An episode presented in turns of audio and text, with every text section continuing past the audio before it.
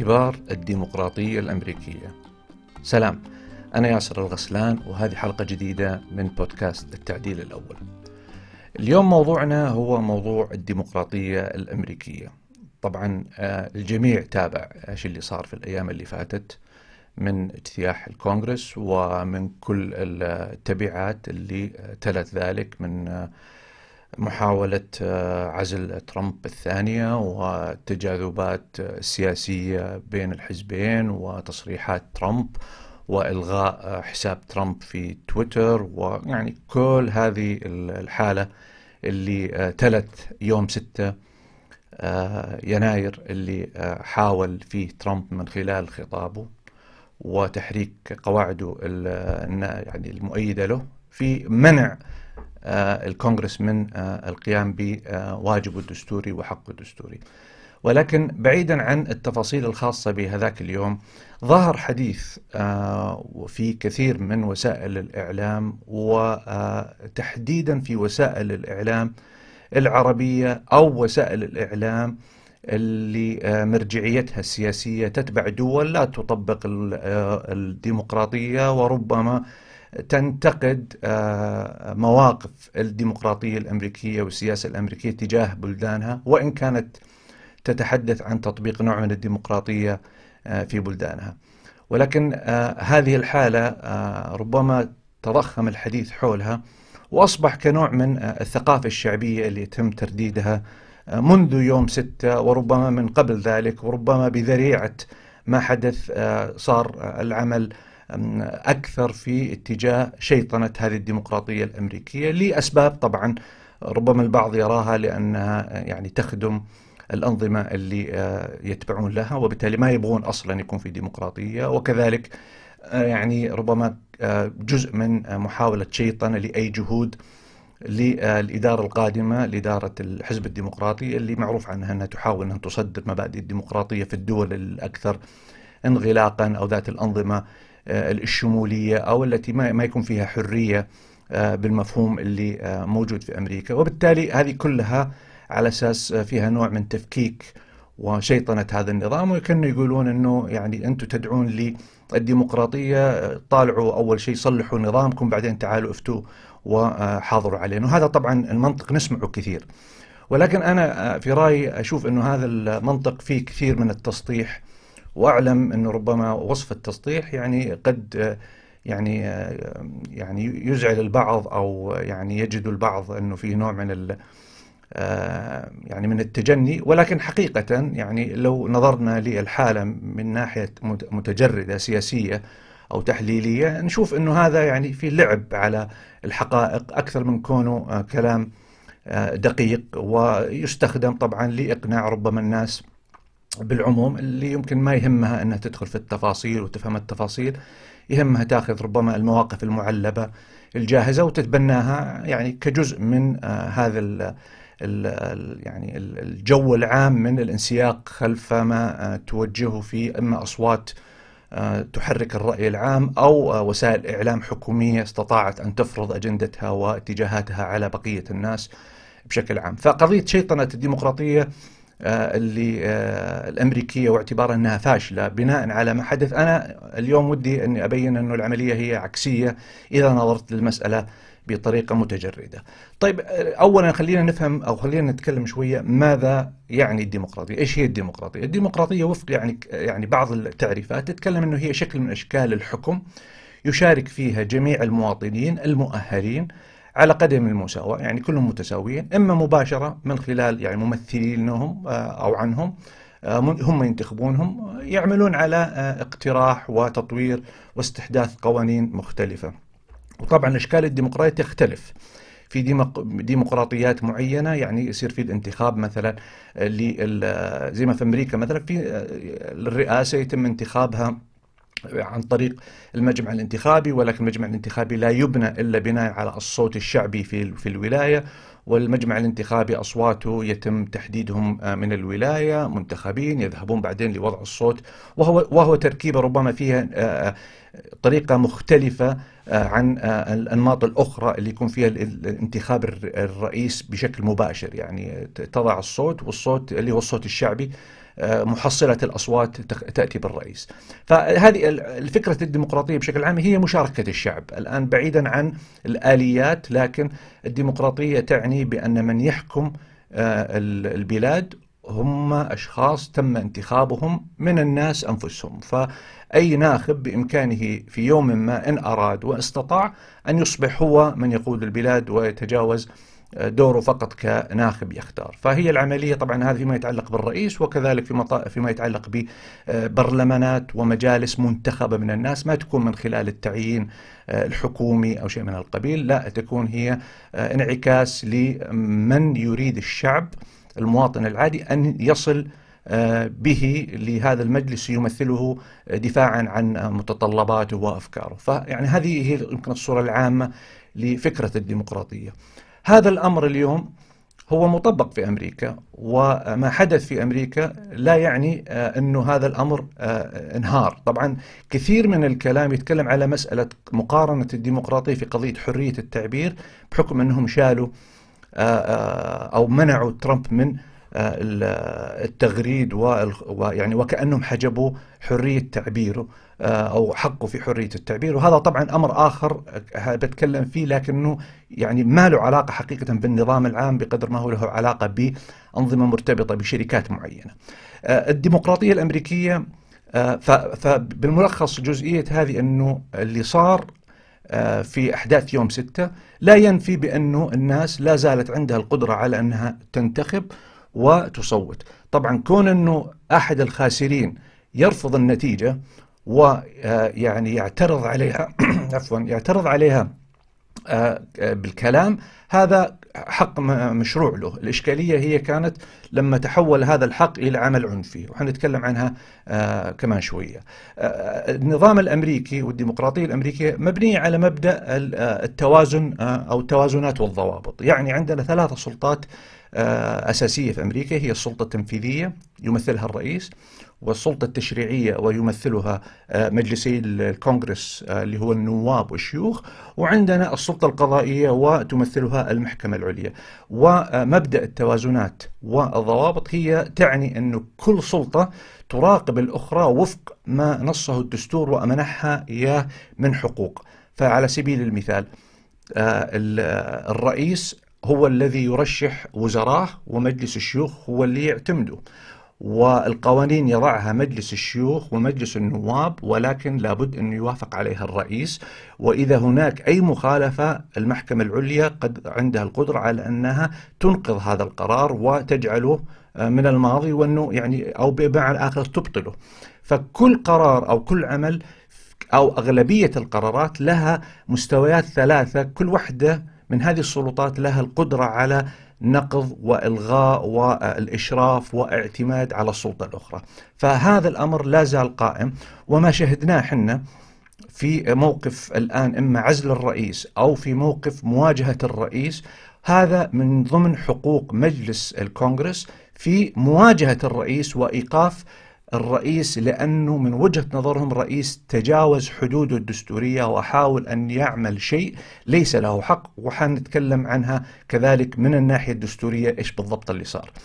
طيب إذا تكلمنا عن الآن قضية الحرية والكلام عن أنه ترامب أخذ منه حقه في التعديل الأول بالتعبير عن رأيه لأنه قفل تويتر وقفلت منصات التواصل الأخرى ولم يعد قادرا على التعبير وأخذ هذا على أساس أنه هذا دليل على انه ليس هناك ديمقراطية في أمريكا إذا كان الرئيس أخذ منه هذا الحق ومنع من التعبير فبالتالي هذه الديمقراطية أكذوبة. طبعا الكلام اللي نقيسه على على الرئيس نقيسه كذلك على أي مواطن آخر لأنه في الدستور وفي مسألة التعديل الأول اللي يمنح المواطن الأمريكي الحق لا يفرق بين رئيس أو بين مواطن. فإن إذا كان حق هو حق للجميع. الرئيس ليس له استثناء أو ما له استثناء. بل بالعكس الرئيس ربما عليه مسؤوليات أكبر وهو ما يعني ينص عليه الدستور بشكل رئيسي في هذه المسألة. لكن كذلك الحرية لما نتكلم عن الحرية إيش هي الحرية؟ طبعا كثير من الفلاسفة والمنظرين تكلموا عنها لكن أنا بالنسبة لي يمكن أجد أنه وصف آه، آه، أحد الفلاسفة المشهورين اليوم مونتسكيو وصف الحرية بشكل جدا جدا دقيق وبكلمات جدا محدودة. يوصفها مونتسكيو أن الحرية هي الحق في أن تعمل ما يبيحه القانون. إذا أي شيء يبيحه القانون تستطيع أن تقوم به وهذه هي الحرية يعني بمعنى آخر. إذا القانون قال أنه هذا الأمر لا يمكن أن تقوم به حتى لو أنت اعتقدت أنه من حقك والقانون يقول الحرية تقول أنه ليس من حقك وكونك تمنع من أداء هذا العمل لا يعني أنك سلبت حريتك. فلما نجي نقول على سبيل المثال في القضية أنه الرئيس اليوم من حقه أنه يعبر عن اعتراضه ومن حقه أنه آه، ال آه، يعني الناس اللي تؤمن فيه وتؤيده أنها تعترض هذا الكلام كله مقبول وكله صحيح. وترامب إلى يوم ما حصل الهجوم على الكونغرس لم يمنع وإن كان تويتر كانت تضع علامات تؤشر إلى أنه هذا الكلام اللي بيقوله الرئيس اللي هو في النهاية رئيس آه، يعني آه، له القدرة على التأثير على قواعده وعلى التفكير العام. هذه المعلومات اللي بيقولها مغلوطة لأنه ثبت العكس وفق الأسس الدستورية. هو يقول أنه كان مثلا يقول أنه الرئاسة سرقت مننا. كل المؤسسات الدستورية والشرعية في أمريكا قالت العكس. محكمة الدستورية رفضت آه، الاعتراف بطعون آه، ترامب. المحاكم أكثر من 58 آه، محكمة نقضت ورفضت الاعتراف بالأدلة اللي قدمها وحكمت ضده. وكذلك الكونغرس صادق وكان في طريقه لمصادقة على المجمع الانتخابي اللي في الأساس مشكل من ولايات جمهورية ومن ولايات يعني ذات أغلبية جمهورية أو أغلبية ديمقراطية. فبالتالي كلام الرئيس آه، وقتها كان هو تضليل وكذب وهناك فرق بين حرية التعبير وحرية الكذب خصوصا إذا كان الرئيس قادر على أنه يحرك هذه القواعد من تحويلها من اعتراض سلمي إلى اعتراض عنفي زي ما شفناه حنا في 6 آه، يناير. لكن الآن آه، الرئيس يتم التعامل معه اليوم في كل هذا اللي قاعدين نشوفه من منطلق مادة دستورية واضحة. هي تتكلم بشكل واضح وأنا يعني أختزل لكم إياها بهذه العبارة السريعة واللي يقول المادة الماده 14 تتكلم على أنه لا يجوز لأي شخص آه، أن أن يصبح شيخا مثلا أو نائبا في الكونغرس أو ناخبا للرئاسة أو رئيس أو يشغل منصب عسكري أو مدني وأيد الدستور أنه يشترك في أي عمل تمردي أو عصيان ضد هذه الدولة أو يقدم عون ومساعدة للأعداء. آه، ويحق للكونغرس في هذه الحالة بأكثرية الثلثين ثلثي الأصوات أن يقوموا بعزل وبإزالة هذا الرئيس ومنعه من الترشح والمشاركة بأي عمل سياسي آه، آه، أو عسكري خاص بهذا البلد. وهو تماما النص اللي الآن يتم القياس عليه بأنه ترامب في اللحظة اللي دعا المؤيدين إلى التوجه إلى ترامب والتوجه إلى الكونغرس ومحاصرة الكونغرس والتهجم على الكونغرس وتكسير وتهديد وماتوا خمس أشخاص هنا أصبح حالة تمرد الآن نرجع للنقطة الرئيسية الديمقراطية الأمريكية هل الديمقراطية الأمريكية ثبت فشلها؟ أنا في تقديري بعد كل هذا الكلام اللي أنا ذكرته أرى أنا أرى شخصيا بأنه هذا أثبت أن الديمقراطية الأمريكية قوية لدرجة أنها على على عكس ما يشاع. لو لم تكن قوية لربما شهدنا أمثلة زي ما شهدنا في دول أخرى كانت تتكلم أن عندها ديمقراطية وكان عملية تغيير الدستور سهل جدا وعملية الانقلابات سهلة جدا انقلاب وراء آخر. هذه هي الديمقراطيات الهشة. الديمقراطية الأمريكية في خضم هذه الحالة اللي إحنا مريناها أثبتت أنها ديمقراطية قوية لأن استطاعت أن تقف ضد آه، آه، رئيس يعني يفرد عضلاته بجمهور وتم إيقاف هذا التمدد باصوات من الحزبين. فالعملية وإن كان جزء كبير منها محرك من خصوم ترامب ونفهم هذه المسألة لأن هذه جزء من التصفيات السياسية ولكن في ذات الوقت لا يمكن أن ننظر للديمقراطية الأمريكية على أنها هشة لأنه رئيس آه، آه، حاول أن يتمرد وبالتالي نقول انه النظام آه، ضعيف. هذا الكلام أثبت عكسه لأنه لو كان ضعيف لربما استطاع أن يلوي ذراع أعضاء الكونغرس في التغيير. يعني أنا أعيد دائما آه، المثال في آه، في الثلاثينات من القرن الماضي أيام آه، وصل هتلر في في الحكم في أمريكا في ألمانيا كان وصل كمستشار وبال بالأصوات بالديمقراطية. ولكنه بالترهيب وبنفس التكتيكات اللي شفناها من ترامب استطاع أن يفرد عضلاته ويلوي آه، أيادي الأعضاء في آه، في البرلمان الألماني وقتها بأن يصدروا موافقتهم وتأييدهم لمنحه آه، وظيفة الرئاسة إضافة إلى المستشارية. والنظام الألماني المستشار شيء والرئيس شيء. فلما استطاع هو أن طبعا كان لا ننسى أنه كان عنده ترامب كان عنده ملي هتلر كان عنده ميليشيات.